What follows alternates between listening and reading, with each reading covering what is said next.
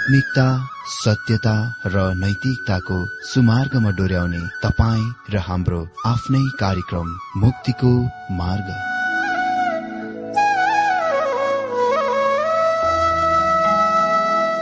आदरणीय श्रोता यस मुक्तिको मार्ग कार्यक्रममा हार्दिक स्वागत छ।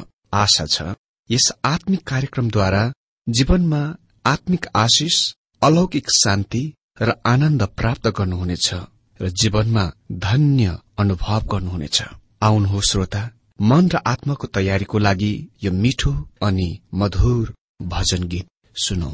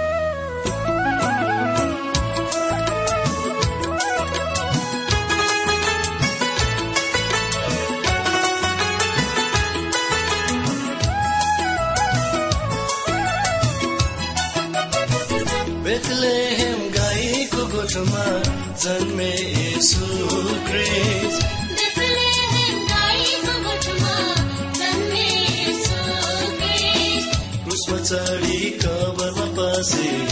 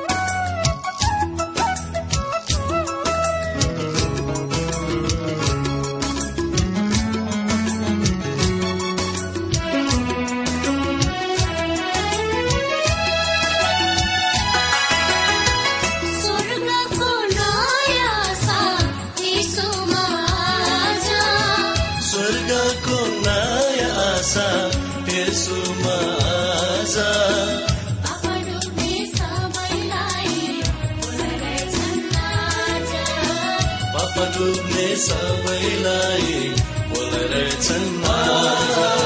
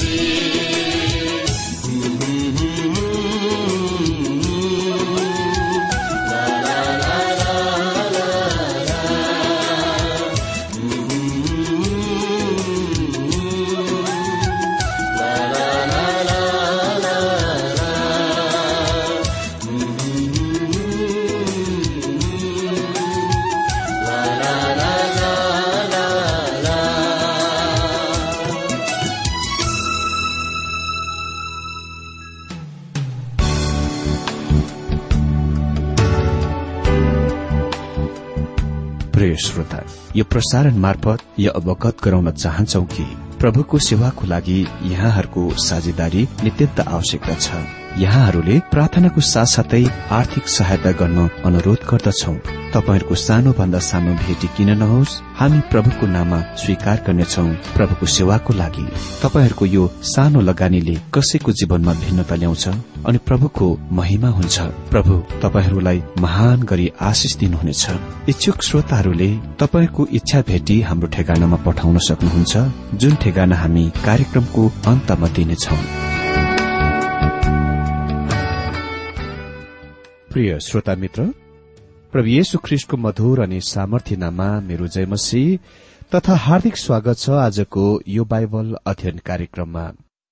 श्रोता आज हामी यहुदा एक अध्यायको बीस पददेखि यस विषयबाट बाइबल अध्ययन गर्नेछौ। सत्य विश्वास त्यागका समयमा विश्वासीहरूले के गर्नुपर्दछ त? हजुर अघिल्ला दिनहरूका अध्ययनमा हामीले कसरी सत्य विश्वास त्याग आइरहेको थियो र सत्य विश्वास त्यागीहरू मण्डलीमा प्रवेश गर्ने थिए भन्ने बारेमा यहुदाको चेतावनी देख्यौं। अहिले यी कुराहरूको उल्लेख गरी सकेपछि यहुदाले सात कुराहरू उल्लेख गर्छन् जुन विश्वासीहरू तपाईँ र म रहिरहेको यस्ता दिनहरूमा गर्न सक्छन्। यौदा एक अध्ययको बीस पदमा लेखिएको छ तर प्रिय हो तिमीहरू चाहिँ तिमीहरूको अति पवित्र विश्वासमा दृढ हुँदै जाऊ र पवित्र आत्मामा प्रार्थना गर। भनिएको छ तर प्रियहरू उनी विश्वासीहरूसँग कुरा गरिरहेका छन् जो परमेश्वरका प्रियहरू हुन्। आज हामी के गर्न सक्छौ त? अर्थात् यस्तो सत्य विश्वास त्यागको दिनमा हामी विश्वासीहरू के गर्न सक्छौ?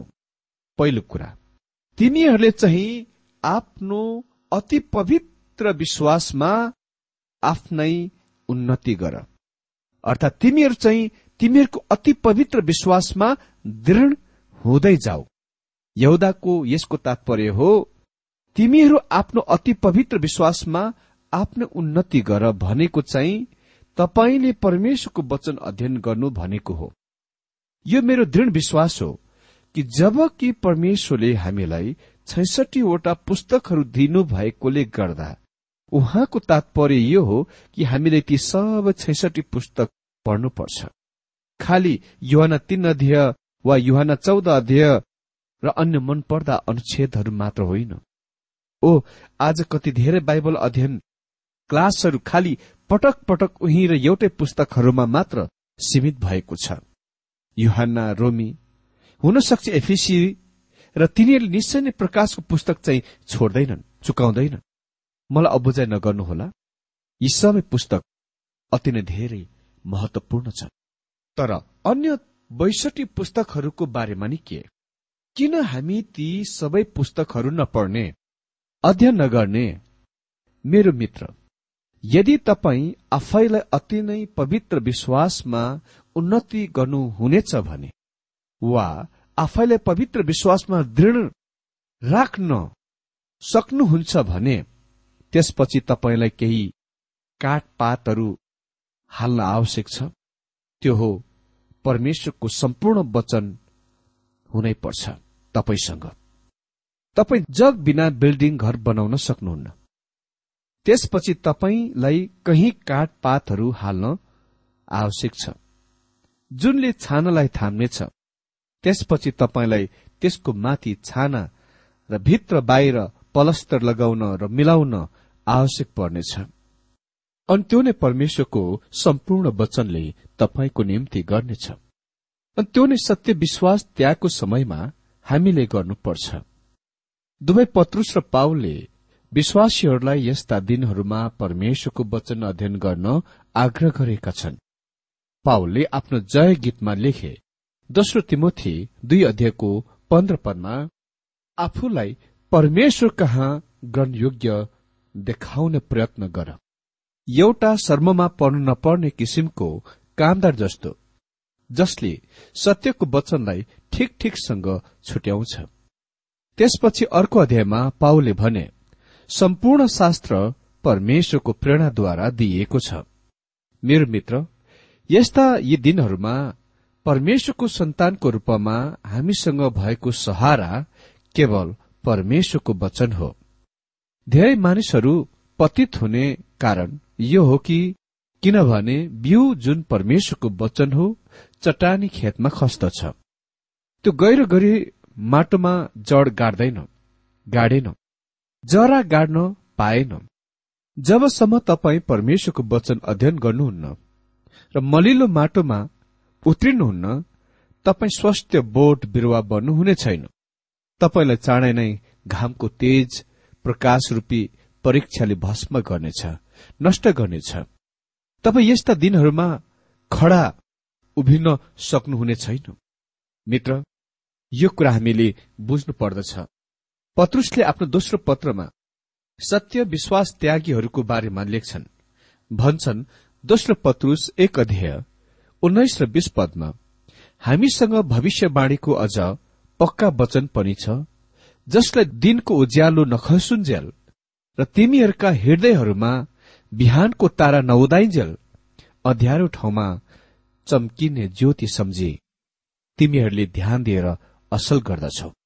पहिले यो जान पवित्र शास्त्रको कुनै पनि भविष्यवाणी आफ्नो निजी व्याख्याबाट भएको होइन। तपाई खालि एउटा वा दुईवटा साना पदहरू बाहिर झिकी निकालेर यो यो विचार गर्न यो सोच्न सक्नुहुन्न कि तपाईँसँग बाइबलको असल ज्ञान छ। अह मित्र शास्त्रबाट यता उतादेखि केही छुटपुट पदहरूमा आधारित सिद्धान्तको प्रणाली वा निर्माण गर्ने काम बनाउने काम अति नै दुःखदायी दयनीय कुरा अनि खतरनाक कुरा हो। यसले मलाई अमेरिकाको स्वर्गीय पूर्व राष्ट्रपतिको कथाको याद दिलायो। जुन मैले एउटा पुस्तकमा पढिरहेको थिएँ त्यो चाहिँ उसको नक्साको वा तस्विरको हातले पेन्टिङ गर्ने सम्बन्धमा थियो। आर्टिस्टहरूले वा चित्रकारले लिङ्कनलाई कहिले यता कहिले उता सारिरह्यो। यो सिलसिला निकै लामो समयसम्म चलिरह्यो। कहिले चाहिँ लिङ्कनलाई एउटा एंगलको पोजिसनमा साथै एकछिनपछि अर्को एंगलमा किनभने चित्रकार वा आर्टिस्टले उसको अनुहारमा भएको एउटा दागलाई देखाउन चाहँदैनथ्यो त्यसको छोप्न चाहन्थ्यो।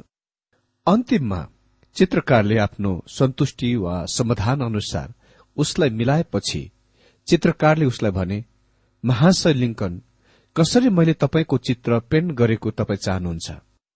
लिङ्कनले भने जस्तो म छु त्यस्तै नै मेरो नक्साको पेन्ट गर चित्र कोर। मेरो अनुहारमा एउटा दाग छ र जे छ सबै कुराको पेन्ट गर। मित्र परमेश्वरको वचनमा त्यस्ता खण्डहरू छन् जुनको पढ्नमा तपाईँलाई आनन्द लाग्ने छैन। त्यहाँ त्यस्ता अध्याय खण्डहरू छन् जुनको तपाईँ पढ्न मन पराउनुहुन्न। तर आज यो आफ्नो अति पवित्र विश्वासमा आफ्नै उन्नति गर्न वा विश्वासमा दृढ रहन अति नै आवश्यक छ किनभने यिनीहरू सत्य विश्वास त्यागको दिनहरू हो। भनिएको छ तिमीहरूका अति पवित्र विश्वासले तपाईँको व्यक्तिगत विश्वासको संकेत गर्दैन।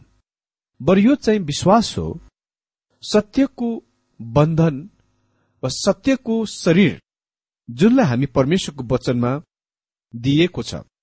जब मण्डली सर्वप्रथममा अस्तित्वमा आयो यसलाई प्रेतहरूका शिक्षा भनिन्दथ्यो यसको विषयमा मेयरले भन्छन् यहाँ विश्वासलाई अति पवित्र भनिएको छ किनभने यो हामी कहाँ परमेश्वरबाट आउँदछ र हामी कहाँ परमेश्वरलाई प्रकट गर्दछ किनभने यो त्यसको माध्यमद्वारा मानिस धर्मी बनाइएको छ र संसारमाथि विजय प्राप्त गर्न योग्य बनिएको छ। मित्र हामीले देख्यौं कि सत्य विश्वास त्यहाँको समयमा विश्वासीले के गर्नुपर्ने पहिलो कुरा हो। जुन थियो तिमीहरूले आफ्नो अति पवित्र विश्वासमा आफ्नै उन्नति गर। अर्थात आफ्नो विश्वासमा दृढ रहिरह। दोस्रो पवित्र आत्मामा प्रार्थना गर। मित्र सत्य विश्वास त्यागको समयमा हामीले गर्नुपर्ने दोस्रो कुरा यो नै हो। आत्मामा प्रार्थना गराई।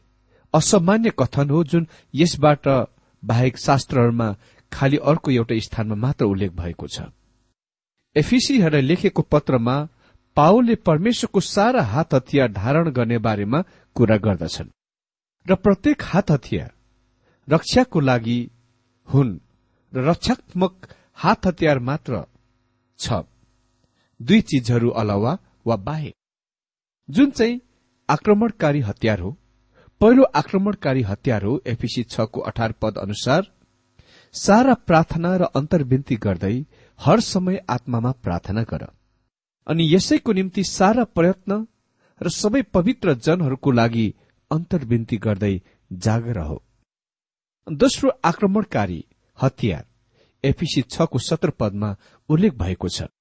भनिएको छ अनि मुक्तिको टोप र आत्माको तरवार जो चाहिँ परमेश्वरको वचन हो ल्याऊ। यो नै निश्चयपूर्वक यहुदाले यहाँ लेखेका हुन्। पहिले हामीले हाम्रा अति पवित्र विश्वासमा आफ्नै उन्नति गर्नुपर्छ त्यसपछि हामीले आत्मामा प्रार्थना गर्नुपर्छ। पवित्र आत्मामा प्रार्थना गर्नु भनेको परमेश्वरलाई तमाम आवश्यक चिजहरूको सूची वा लिस्ट दिने कुराबाट अलग अलिक भिन्नै छ। यो चाहिँ त्यो हो त्यो फल्ला फल्ला कुरा चाहियो भनेर विभिन्न कुराका लिस्ट दिने कुराबाट भिन्नै छ।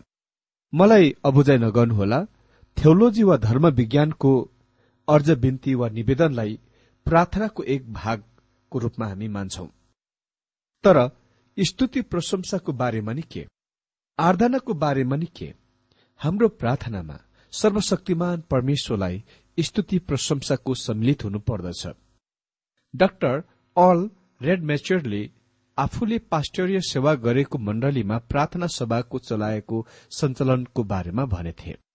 प्रार्थना सभा अति नै खराब मृत सर प्राण जीवनहीन रूपमा चलेथ्यो। जस्तो कि अधिकांश मण्डली प्रार्थना सभाहरू आज हामी त्यस्तै देख्छौ। तिनीहरू मण्डली बधनको वास्तविक ऊर्जा घर पावर हाउस हुनुपर्ने हो। तर तिनीहरू सामान्य गरी त्यस्ता छैन। एक रात डाक्टर राडमेचर्टले घोषणा गरे तिनीहरू आफ्नो प्रार्थना सभामा कति पनि अर्ज बिन्ती निवेदनहरू गर्ने छैन तर तिनीहरूको निम्ति उहाँले के गर्नु भएको छ सो कुराको लागि परमेश्वरलाई स्तुति प्रशंसा र धन्यवाद मात्र दिने डाक्टर रेड मास्टरले भन्नुभयो त्यो सबभन्दा छोटो संक्षिप्त प्रार्थना सभा हुन पुग्यो। मतलब अति नै कम समयमा त्यो प्रार्थना सभा तिनीहरूले सिद्ध्याए त्यति कम समयको प्रार्थना सभा तिनीहरूले त्यस मण्डलीमा अघि कहिले पनि गरेका थिएनन्। यो आश्चर्यको कुरा छ कि हामीले कति कम कुराहरूको लागि परमेश्वरलाई धन्यवाद दिन्छौ र उहाँका अति नै कम स्तुति प्रशंसा जाँदछ तर निश्चय नै अर्ज बिन्तीहरू निवेदनहरू महत्वपूर्ण छ। र त्यो प्रार्थना जुनले यी कुराहरू सम्मिलित गर्दछ त्यो वास्तविक सेविकै हो। जब पावले रोममा भएका ख्रिस्टियन विश्वासीहरूलाई उसको निम्ति प्रार्थना गर्न बिन्ती गरे उसले लेखे रोमी पन्ध्र दिएको तीस पदमा अब हे भाइहरू हो हाम्रा प्रभु येशु ख्रिस्टद्वारा र आत्माको प्रेमद्वारा म तिमीहरूलाई बिन्ती गर्दछु। मेरो निम्ति परमेश्वरलाई प्रार्थना गर्नमा तिमीहरूले मसँगै मिलेर संघर्ष गर। यहाँ उल्लेखित शब्द संघर्ष चाहिँ यन्त्रण हो। हामीले त्यही प्रार्थना गर्नुपर्दछ। पवित्र आत्मामा प्रार्थना गर्नु भनेको चाहिँ यो हो कि हामी पवित्र आत्माको माध्यमद्वारा प्रार्थना गर्नु हो। हामी उहाँमा आश्रित छौं। पाउले रोमी आठ अध्यय छब्बीस पदमा लेखे अनि यही प्रकारले आत्माले पनि हाम्रा कमजोरीहरूमा सहायता गर्नुहुन्छ किनकि हामीले कसरी प्रार्थना गर्नुपर्ने हो सो हामी जान्दैनौ। तर आत्मा आफैले बयान गर्न नसकिने गरी व्याथा पुग्दै हाम्रो निम्ति अर्ज बिन्ती गर्नुहुन्छ। तपाईँ र म वास्तवमा जान्दैनौ कि हामीले के को लागि प्रार्थना गर्नु। हामी साना बच्चाहरू जस्तै छौं। जब म मेरा सानी छोरीलाई दोकानमा पसलमा लान्छु तिनले देखेको सबै कुरा तिनी चाहन्छन्। तिनले कहिलेकाहीँ त्यस्ता कुराहरू पनि माग्दछिन् जुनको तिनीसँग हुन गलत कुरा हो वा अनुचित हो। किनभने यो तिनको निम्ति असल वा भलाइको कुरा कल्याणको कुरा हुने छैन। त्यसपछि म सोच्दछु त्यही नै तरिकामा हामी प्रार्थना गर्दछौ। हामी साना बच्चाहरू जस्तै प्रार्थना गर्दछौ प्रभु म यो चाहन्छु त्यो चाहन्छु। मलाई त्यो दिनुहुन्छ। परमेश्वरले सधैँ हामीले ती कुरा दिनुहुन्न जुन हामी चाहन्छौ वा माग्छौ। किन उहाँले दिनुहुन्न त? किनभने जब हामी त्यसरी प्रार्थना गर्दछौ हामी आत्मामा प्रार्थना गरिरहेका छैनौं। हामीले हाम्रो लागि पवित्र आत्मालाई अर्ज बिन्ती गर्न वा अर्ज बिन्ती दिन सिक्नुपर्छ। सालौं पहिले एक प्रचारकले मलाई दुर्गम क्षेत्रदेखि एउटा क्रुस पठाएका थिए। जुनमा प्रार्थनाको परिभाषा लेखिएको थियो। पवित्र आत्मा विश्वासीमा ख्रिस्टद्वारा पिता कहाँ बोल्ने कुरा हो वा कुराकानी हो। यो प्रार्थनाको अति उक्तम परिभाषा हो। मित्र हामीले प्रार्थना गर्न सिक्नु पर्दछ। निसन्देह चेलाहरू प्रभु येशुले गर्नुभएको प्रार्थना सुनेर अनि आफ्नो सानो तुच्छ प्रार्थनाहरूको सोचेर भने प्रभु हामीलाई प्रार्थना गर्न सिकाउनुहोस्। लुका एघारको एक पदमा हामी धेरैले त्यसको आवश्यक छ तर आज प्रार्थनामा गर्नलाई सिक्ने कुराको बारेमा अति नै कम शिक्षाहरू छ। तर यी सत्य विश्वास त्यागका दिनहरूमा हामीले वास्तवमा प्रार्थना गर्न आवश्यक छ। मित्र आज हामीले देख्यौं सत्य विश्वास त्यागको समयमा हामी विश्वासीले के गर्नुपर्दछ त भन्दा पहिलो कुरा देख्यौं हामीले आफ्नो अति पवित्र विश्वासमा दृढ रहनुपर्छ वा उन्नति गर्नुपर्छ। दोस्रो पवित्र आत्मामा प्रार्थना गर्नुपर्दछ अर्को दिनमा हामी बाँकी अन्य पाँचवटा कुराहरूको बारेमा देख्नेछौ जुन विश्वासीहरूले यी सत्य त्यागको समयमा दिनमा गर्न आवश्यक छ। ती पाँचवटा कुराहरू हुन् आफूलाई परमेश्वरको प्रेममा बचाइराख्नु पर्दछ। अनन्त जीवनको निम्ति हाम्रा प्रभु येशु ख्रिस्टको कृपाको बाटो हिँड्दै रहनुपर्छ सबैलाई दया राख्नु पर्दछ अरूलाई आगोबाट थुतेर डरसहित बचाउनु पर्छ। शरीरद्वारा कलंकित भएको वस्त्रलाई घृणा गर्नुपर्छ। मित्र हामी यी बाँकी बुदाहरूलाई अर्को दिनमा हेर्नेछौ। परमेश्वरले तपाईँ सबैलाई धेरै धेरै आशिष दिनुभएको होस्।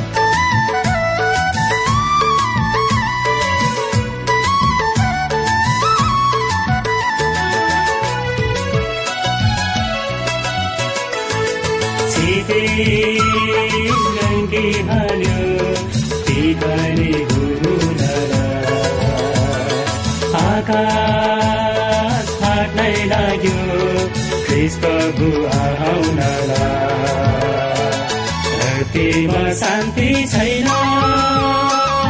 पाहाडमा जिउनेहरूलाई धरतीमा शान्ति छैन। पाहाडमा जिउनेहरूलाई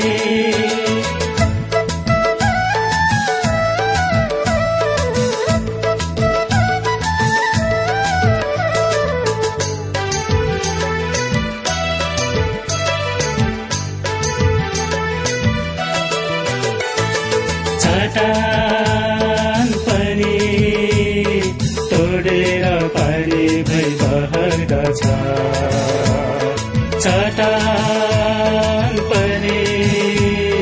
तोडेर पानी भई बहदछ मान्छेको हृदय कठोर हुन्छ मन कहिले पगरे हे मन मन कहिले पगरे हे मना कहिले फर्कने छेते रङ्गी हाल्यो बिहानी कुबुलरा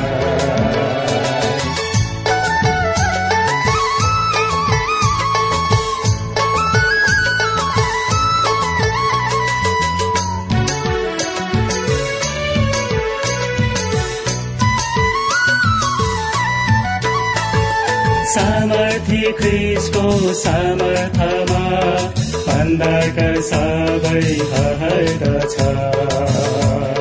सामर्थी ख्रिसको समर्थमा अन्धकार सबै हर्दछ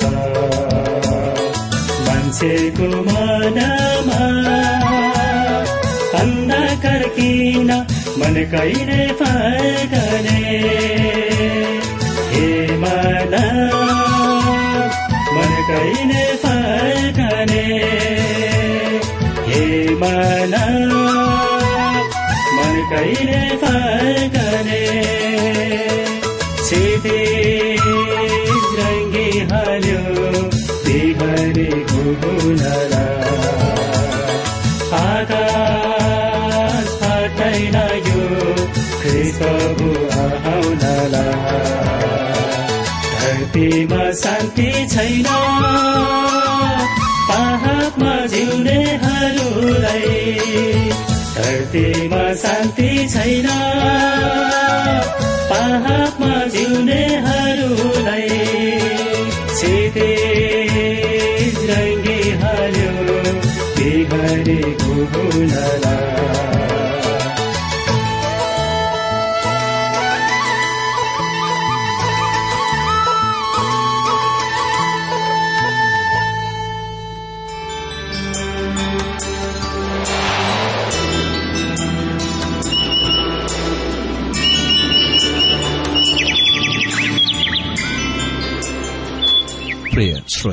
अहिले भर्खरै तपाईँले टीडब्ल्यूआर नेपालद्वारा सञ्चालित आत्मिक कार्यक्रम मुक्तिको मार्ग सुनिरहनु भएको थियो। श्रोता आजको यो कार्यक्रम सुनेर तपाईँलाई कस्तो लाग्यो? यदि यो कार्यक्रम सुनेर मनमा कुनै खुल्दुली वा कुनै प्रतिक्रिया अर्थात सुझावहरू छन् भने हामीलाई पत्रद्वारा लेख्न सक्नुहुनेछ। हामी हृदयदेखि नै स्वागत गर्नेछौ स्वीकार गर्नेछौ साथै बाइबल सम्बन्धित प्रचारहरू कार्यक्रम सारणीहरू हामी अनुरोधमा पठाउन सक्छौ। अनि तपाईँसँग कुनै प्रार्थनाको विषय छन् भने हामीले तपाईँको लागि प्रार्थना गरेको चाहनुहुन्छ भने प्रभुमा आफ्नै परिवार सम्झेर हामीलाई पत्रमा लेख्न सक्नुहुनेछ। तपाईँको लागि हामी प्रभु येशुसँग प्रार्थना गर्नेछौ। अधिक जानकारी र पत्रचारको लागि हाम्रो ठेगाना यस प्रकार छ। कार्यक्रम मुक्तिको मार्ग जीपीओ नम्बर उनानब्बे पचहत्तर इपिसी पच्चिस एकसठी काठमाडौँ। ठेगाना एकपल्ट सुन्नुहोला। कार्यक्रम मुक्तिको मार्ग जीपीओ नम्बर उनानब्बे पचहत्तर इपिसी पच्चिस एकसठी काठमाडौँ। हाम्रो इमेल एड्रेस हो TWR Nepal at Yahoo dot com साथै यस नम्बरमा एसएमएस गर्न सक्नुहुनेछ। अन्ठानब्बे चार सत्तरी पैतिस छ सय उनासी नौ आठ चार सात जिरो तीन पाँच छ सात नौ। हुन्छ श्रोता आजलाई हामी विदा चाहन्छौ। अर्को कार्यक्रममा हामी पुनः भेट्नेछौ। तबसम्मलाई नमस्कार।